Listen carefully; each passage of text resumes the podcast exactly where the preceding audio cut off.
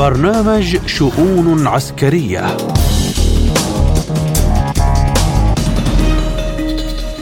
من إذاعة سبوتنيك بموسكو أرحب بكم مستمعينا الكرام. أينما كنتم في حلقة جديدة من شؤون عسكرية أقدمها لكم اليوم أنا محمد جمعة وأبدأها بأهم العناوين. الناتو يدعو إلى الاستعداد لمواجهة طويلة الأمد مع روسيا. الجيش السوداني يعلن إحباط هجوم للدعم السريع على الفاشر وتكبيده خسائر كبيرة. السعودية تبدي اهتماما بخطط كوريا الجنوبية لتطوير مقاتلات من الجيل السادس. أنقرة ستسلم مسيرات برقدار القتالية إلى مصر. ونبدأ بالتفاصيل حيث دعا الأمين العام لحلف الشمال الأطلسي ينس ستولتنبرغ أعضاء الحلف إلى الاستعداد لمواجهة طويلة الأمد مع روسيا.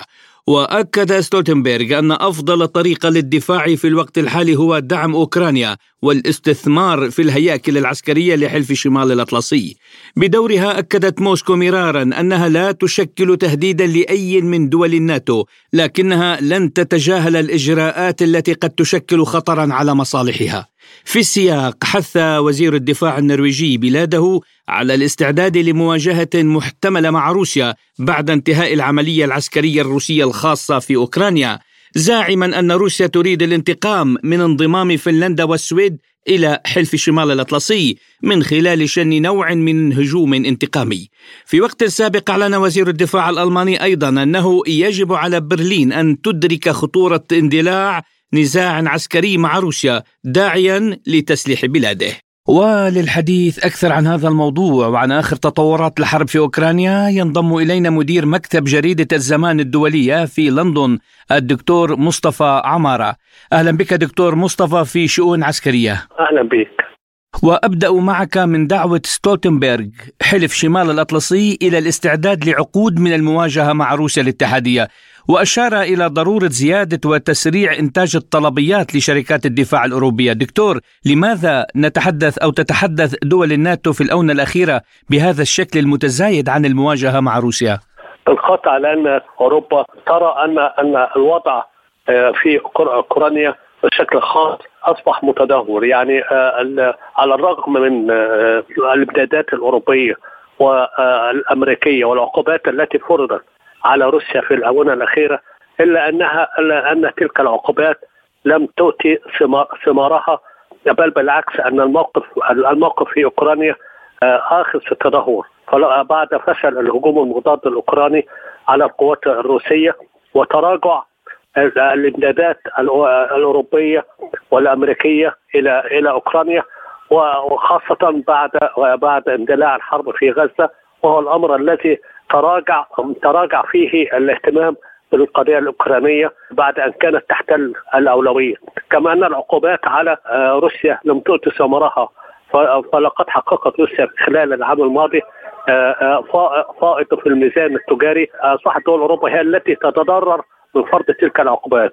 وبالتالي هزيمة الحلف الأوروبي الأمريكي أمام أمام التقدم الروسي اصبحت أصبحت دول دول حلف الناتو تتحدث عن مواجهة مع مع روسيا في محاولة تغطية على الخسائر التي تعرضت لها خلال العام المنصرم وحتى الآن في المواجهة مع روسيا سواء في في مجال الاقتصاد أو في المجال العسكري. وبالتالي فإن هذه الدعوة يعني أعتقد إنها دعوة فقط للاستهلاك المحلي ولن ولن يعني وليست لها لها آه، أرضية على أرض الواقع. يعني حتى وزير الدفاع النرويجي والألماني أيضا يدقون نواقيس الخطر الروسي ويدعون للاستعداد لصراع محتمل مع روسيا حتى بعد انتهاء العملية العسكرية في أوكرانيا.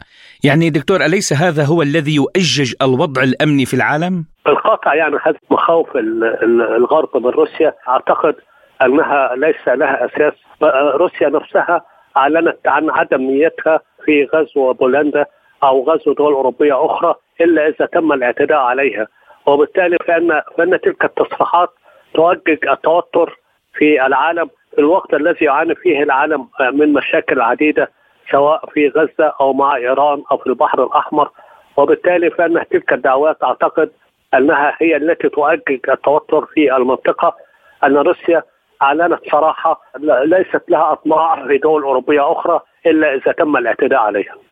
نعم في الوضع الأوكراني دكتور أمين مجلس الأمن القومي والدفاع الأوكراني الكسي دانيلوف قال إن الوضع في الوقت الحالي على خط المواجهة صعب وفي هذا الصدد طبعا يحتاج تحتاج كيف إلى أسلحة.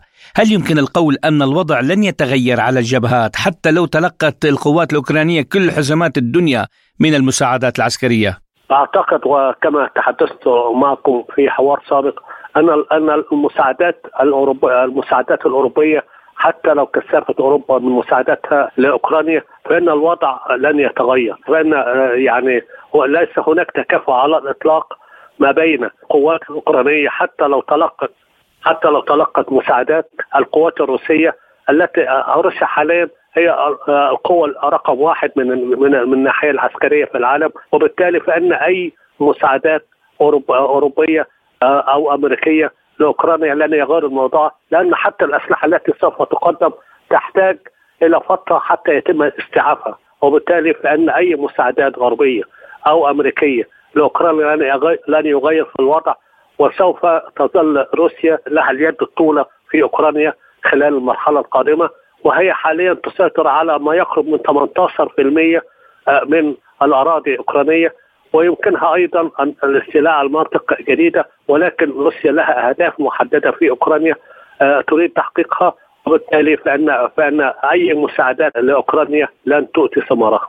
نعم ولنا سؤال أخير دكتور بالنسبة للولايات المتحدة التي تخسر الآن أمام روسيا في أوكرانيا وتتعرض لهزيمة في الشرق الأوسط، هل لديها خطة بديلة برأيك؟ الولايات المتحدة ليست هناك لديها خطط خطط بديلة في مواجهه فشل مشروعها في أوكرانيا بل بالعكس هناك معارضه من مجلس الشيوخ مجلس النواب لزيادة الدعم لأوكرانيا بعد أن أيقن الجميع أن هناك حقيقة مؤكدة ان أن الولايات المتحدة المساعدات الأمريكية لأوكرانيا لن تؤتي ثمارها بل بالعكس الحصار الذي أرادت أرادت الولايات المتحدة فرضه على روسيا انقلب إلى صورة عكسية وأصبحت روسيا هي التي تفرض عقوبات على الدول الأوروبية وبالتالي أن المشروع الأمريكي في أوكرانيا فشل مثلما فشلت في الشرق الأوسط وفي مناطق أخرى من العالم. نعم مدير مكتب جريدة الزمان الدولية في لندن الدكتور مصطفى عمارة كنت معنا ضيفا عزيزا ودائما معنا في شؤون عسكرية. شكرا لكم وحياكم الله. شكرا. وإلى السودان حيث شهدت الفاشر قبل أسبوع معارك ضارية بين الجيش والدعم السريع في أعقاب مقتل أحد أفراد الأخيرة داخل المدينة. مما دفع هذه القوات لمهاجمة المدينة من اتجاهي الشرق والشمال إذ أدى الهجوم إلى نزوح أعداد كبيرة من المواطنين من الأحياء الشمالية والشرقية إلى الأحياء الجنوبية. أعلن الجيش السوداني إحباط هجمات لقوات الدعم السريع على مدينة الفاشر غربي السودان مكبدا الدعم السريع خسائر كبيرة. وتتواصل منذ 11 شهرا اشتباكات عنيفة وواسعة النطاق بين قوات الجيش السوداني وقوات الدعم السريع في مناطق متفرقة من السودان. تتركز معظمها في العاصمة الخرطوم مخلفة المئات من القتلى والجرحى بين المدنيين. للحديث أكثر عن هذا الموضوع ينضم إلينا من الخرطوم خبير دائرة الأزمات والتفاوض في مركز البحوث الاستراتيجية والخبير العسكري الاستراتيجي الدكتور أمين إسماعيل. أهلا بك دكتور أمين في شؤون عسكرية وأسألك ما الذي ملأ الكأس الآن لتعود الاشتباكات العنيفة بين الجيش السوداني وقوات الدعم السريع؟ وهل وصول الاشتباكات إلى الفاشر يعني خروج الأمور عن السيطرة وعن حدود العاصمة؟ الاشتباكات العنيفة التي بدأت في العاصمة الخرطوم وفي مناطق أخرى في ولايات دارفور والولايات الوسطى في تقديري مردها إلى قرب استئناف المفاوضات بعد موافقة الطرفين على الجلوس في سويسرا تحت رعاية الأمم المتحدة لمناقشة القضايا الإنسانية والتي يمكن أن تتفرع أيضا إلى مناقشة قضايا عسكرية وسياسية. أيضا قرار الحكومة السودانية باعتماد منبر جدة كمنبر أوحد للمفاوضات. كل هذه المتغيرات على الأرض والمتغيرات السياسية توحي أن هنالك جولة مفاوضات قادمة في الأيام القادمة. وبالتالي كل طرف يحاول أن يتحصل على موقف تفاوضي من خلال السيطرة على مواقع مهمة على الأرض.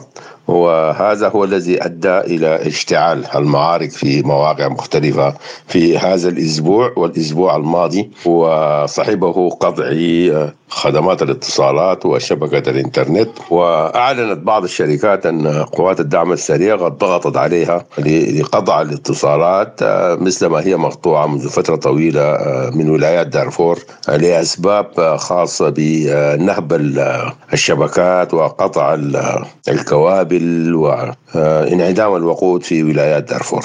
دكتور أمين ما هي الأبعاد الاستراتيجية للسيطرة على مدينة الفاشر برأيك؟ آه، مدينة دارفور آه، وعاصمتها الفاشر آه، مقيدة باتفاقيات قبلية بين الإدارات الأهلية وبين الدعم السريع والحركات المسلحة الموقعة على اتفاقية السلام جوبا اتفاقية بعدم تعرض لمدينة الفاشر نسبة لخصوصيتها التاريخية كعاصمة لقبيلة الفور وأيضا وجود ما يزيد عن 3 مليون نازح.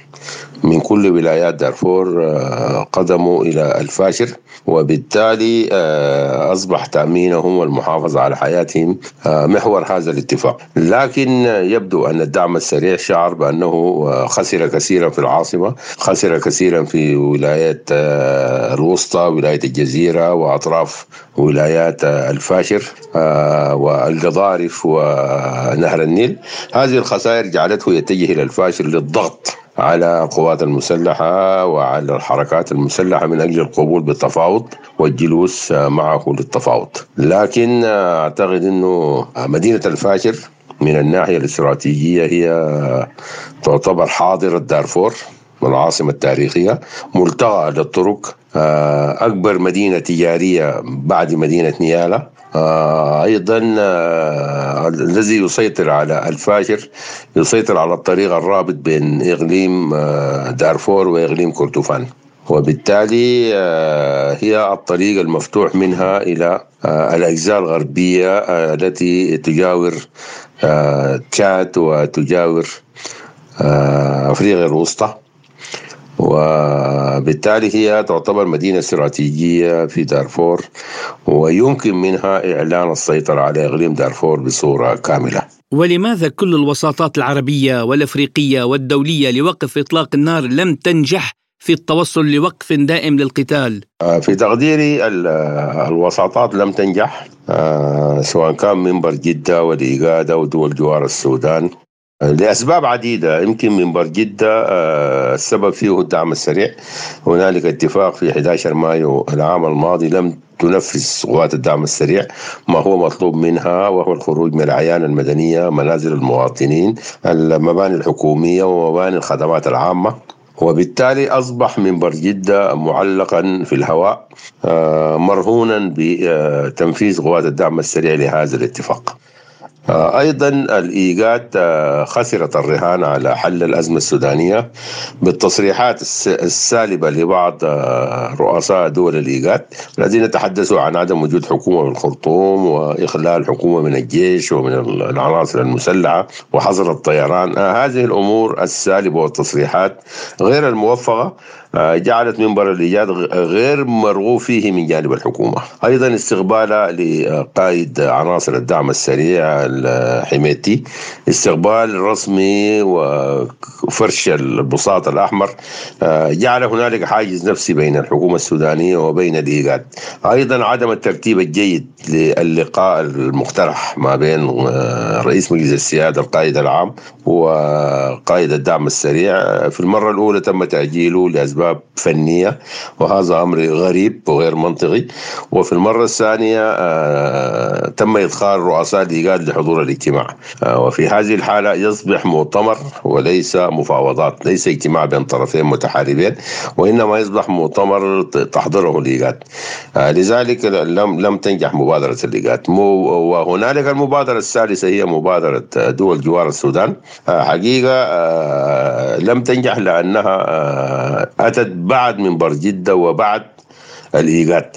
آه، وبالتالي كانت هنالك خطوات صبغتها كثيرا لكنها أنشأت آلية آه، هذه الآلية عقدت أول اجتماع لها في جمينة في جاد ولكن اشتداد المعارك ودخول آه، تشاد كداعم للتمرد جعل هذه المبادرة أيضا تموت في مهدها. دكتور أمين من هي الأطراف التي تقف وراء الدعم السريع لتستمر في الحرب إلى الآن؟ وكيف سيكون انعكاس هذه الاشتباكات على الوضع الإنساني في الفاشر عاصمة شمال دارفور؟ آه، كل الاشتباكات وكل العمليات في كل المناطق أثرت تأثير كبير جدا على الوضع الإنساني والوضع الغذائي للمواطنين السودانيين خاصة وأن النازحين آه، أحدثوا ضغط مباشر على بعض الولايات الآمنة في الشمال ووسط وشرق السودان. وبالتالي الوضع الإنساني في الفاشر أيضا يتأثر لأن الفاشر الآن آه، قد تكون محاصرة آه، من قوات الدعم السريع من ناحية الشمال والجنوب والشرق والغرب. وحتى الاتفاق لم ينجح في توصيل مواد الإغاثة والاحتياجات آه، الغذائية واحتياجات الأسواق. وهذا يعتبر أيضا واحدة من أسباب الخلل الكبيرة في آه، الحصول على موقف آه، في الجوانب الإنسانية في دارفور وخاصة في مدينة الفاشر التي تأثرت بوجود عدد كبير جدا من النازحين. قد يكون بلغ أكثر من 2 مليون ومليون مقيم في العاصمة. وهي عاصمة دارفور آه، التاريخية. مسألة الدعم الذي يتلقاه الدعم السريع هي اتهامات تتحدث عنها الحكومة تتحدث عنها الأطراف لكن المعلوم أن هنالك دعم يأتي عبر الحدود الغربية تشترك فيه عدد من الدول المجاورة الأفريقية ودول إقليمية ودول أخرى آه، قد تكون دولية من أجل إشعال الحرب في السودان. خبير دائرة الأزمات والتفاوض في مركز البحوث الاستراتيجية والخبير العسكري الاستراتيجي الدكتور أمين إسماعيل كنت معنا ضيفا عزيزا في شؤون عسكرية. شكرا لكم. وإلى السعودية حيث تبدي اهتماما بخطط كوريا الجنوبية لتطوير مقاتلات من الجيل السادس. أعلنت وزارة دفاع كوريا الجنوبية أن المملكة العربية السعودية أبدت اهتماما كبيرا بخطط سيول لتطوير طائرات مقاتلة من الجيل السادس. وقال وزير دفاع كوريا الجنوبية للصحفيين إنه شرح للجانب السعودي خلال جولة أجراها في الشرق الأوسط خطط بلاده لتطوير المقاتلات من الجيل السادس. توصلت كوريا الجنوبية والسعودية إلى اتفاق من حيث المبدأ للتعاون في مجال الدفاع على مدى العشر سنوات المقبلة. طبعا اعتبر وزير دفاع كوريا الجنوبية في تصريحاته أن الإعلان عن عقد تصدير نظام اعتراض الصواريخ البالستيه الكوري الجنوبي تشونغونغ اثنان إلى السعودية هو أمر ذو معنى كبير. وللحديث أكثر عن هذا الموضوع ينضم إلينا من الرياض الخبير العسكري الاستراتيجي الدكتور اللواء محمد صالح الحربي. أهلا بك سيادة اللواء في شؤون عسكرية. وأسألك عن الاهتمام الذي تبديه المملكة السعودية بخطط كوريا الجنوبية لتطوير مقاتلات من الجيل السادس هل اقتربت المملكة السعودية من امتلاك مقاتلات الجيل السادس برأيك؟ من المعروف إنه عملية التطوير في الطيران على مستوى كافة الدول إنه بدأت يعني الطائرات تأخذ طائرات الأجيال بدأنا بالجيل الثالث وتطويرها إلى الرابع إلى الخامس وحتى وصلنا إلى السادس. الكوريين طرحوا برنامج لتطوير طيران وحددوا بالاسم نوع طائرات كوريا للجيل السادس. فالمملكة العربية السعودية ضمن برنامجها لتطوير جميع أجهزة القوات المسلحة السعودية ومن ضمنها الطيران وأيضا الفضاء والأمن السبراني. فأكيد أنه عملية الآن التطور الحاصل في الطيران واستخدام الذكاء الاصطناعي واستخدام أيضا عملية الإخفاء الجيل. السادس نعرف إنه طائرات تتميز بالقوة بالسرعة بالمناورة وحتى بالإختفاء؟ فالمملكة العربية السعودية لديها برنامج عسكري طموح حتى 2030 وهو توطين أو كفاءة الإنفاق والإنفاق على التوطين حتى الوصول إلى 50 في المية. طبعا المملكة العربية السعودية في أي عقد تبرمه مع أي شركات أجنبية تبدأ بالتدرج المشاركة. سيادة اللواء هل القوات الجوية السعودية بحاجة لمقاتلات من الجيل السادس كي تبدي هذا الاهتمام؟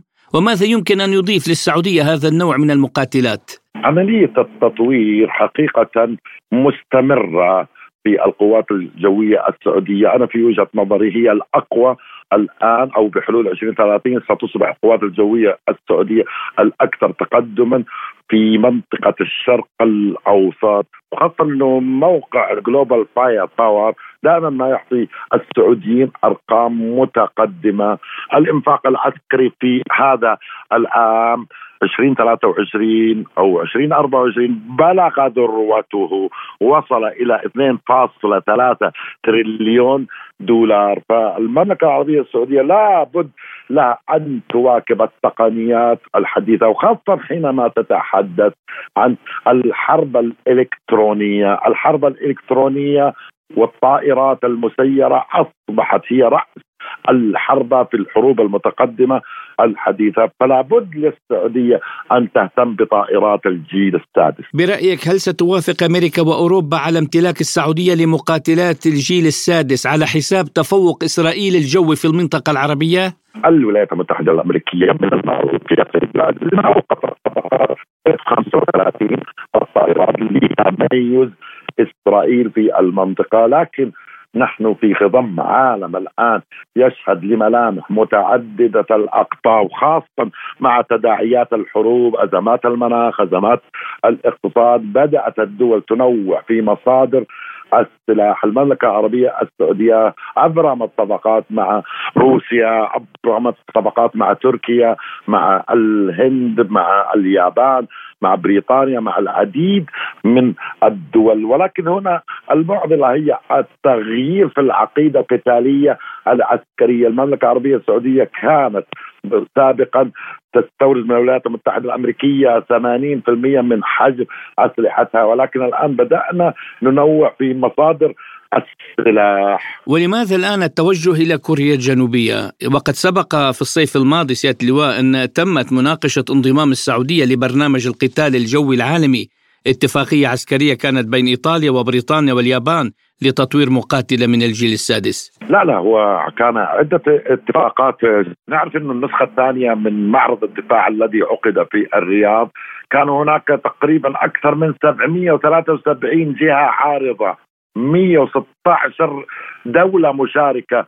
فهذا يعطيك تنوع. المملكة العربية السعودية أبرمت صفقات بما مقداره 26 مليار دولار مع أكثر من 40 دولة. فليس يعني التركيز على دولة بعينها ولكن الآن فعلا نحن بدأنا ننوع في مصادر السلاح ليشمل جميع العقائد سواء كانت عقيدة غربية أو عقيدة شرقية وفق الاحتياج داخل المملكة العربية السعودية والبرنامج التطوير العسكري وحتى 2030 مستمرون على نفس النمط والنهج.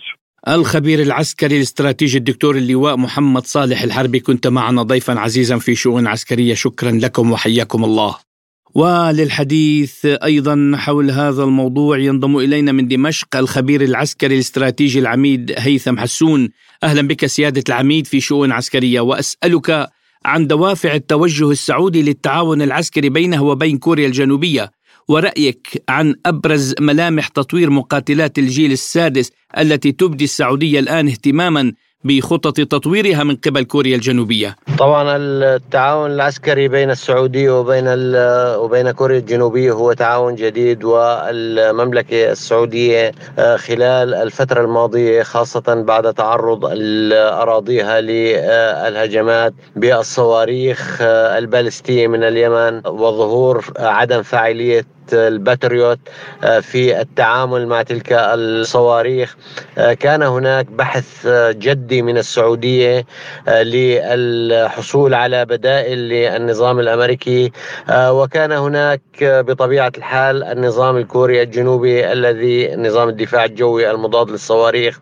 هذا النظام الذي أبدت السعودية الرغبة في الحصول عليه في موضوع المشروع الكوري لإنتاج طائرة مقاتلة من الجيل الجديد متطورة بطبيعة الحال. آه، هذا الموضوع بالتأكيد سيدفع السعودية للبحث بجدية مع الكوريين الجنوبيين عن إمكانية الاشتراك آه، في تمويل المشروع. آه، خاصة أن كوريا الجنوبية تبحث عن شركاء لهذا الموضوع.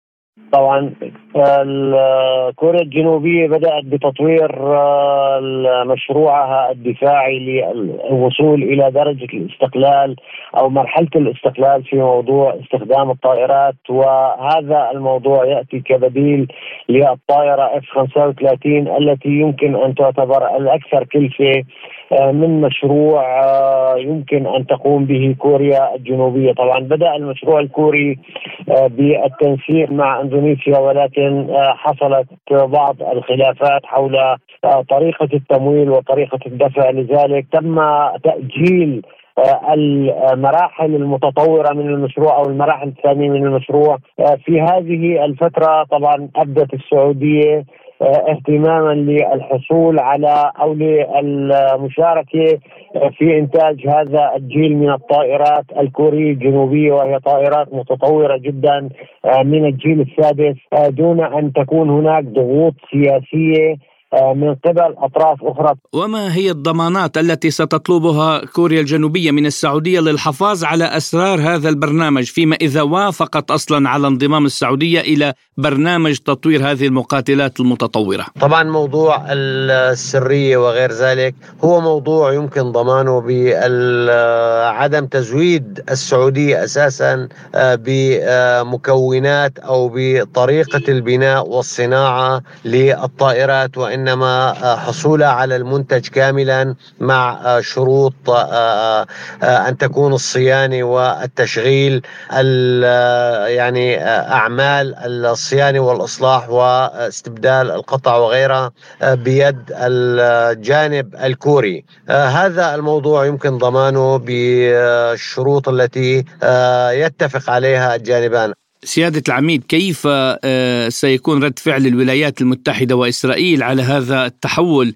الذي سيجعل السعودية تتفوق على إسرائيل جويا في المنطقة العربية؟ آه، أعتقد أن الموضوع مرتبط بكوريا الجنوبية. هل هي آه، قادرة على التفلت من الضغوط والشروط الأمريكية والشروط الأوروبية التي تفرض على صناعاتها الجوية التي أساسا هي تحصل على بعض مكوناتها آه، من الولايات المتحدة الأمريكية ومن الدول الأوروبية. وبالتالي أعتقد آه، أن آه، إمكانية حصول السعودية على هذا السلاح مرهونة أولا بدرجة استقلالية كوريا الجنوبية وثانيا بقدرتها على مقاومة الضغوط الأمريكية والأوروبية وثالثا بحجم التمويل الذي يمكن أن تقدمه السعودية وشروط هذا التمويل في الحصول على السلاح إن كان كمنتج نهائي أو كان مع الاشتراك آه، في الحصول على بعض المعلومات التقنية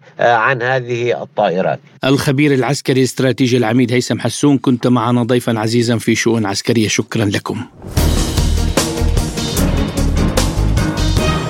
وإلى الفقرة الأخيرة وقد وافقت تركيا على تسليم مسيرات قتالية إلى مصر التي من المتوقع أن يزورها الرئيس رجب طيب أردوغان قريبا في إشارة إلى إتمام المصالحة بين البلدين.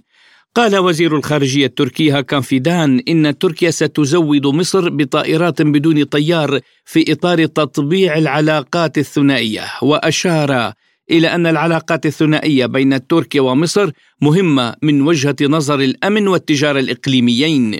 من المتوقع أن يزور الرئيس التركي في الرابع عشر من فبراير شباط الجاري نظيره المصري عبد الفتاح السيسي بعد 12 عاما من القطيعة بين الزعيمين بعد أن استدعى البلدان سفيريهما بعد تولي عبد الفتاح السيسي الحكم في عام 2013 إثر الإطاحة بحكم الرئيس محمد مرسي الذي كانت أنقرة من أبرز داعميه إلا أن الرئيسين استأنفا التواصل في الأشهر الماضية وتصافحا في نوفمبر 2022 على هامش كأس العالم لكرة القدم في قطر وفي فبراير 2023 تواصل أردوغان والسيسي هاتفيا بعيد زلزال مدمر ضربت تركيا وسوريا وأودى بعشرات الآلاف. وفي يوليو 2023 أعلن البلدان إعادة العلاقات الدبلوماسية بينهما إلى مستوى السفراء.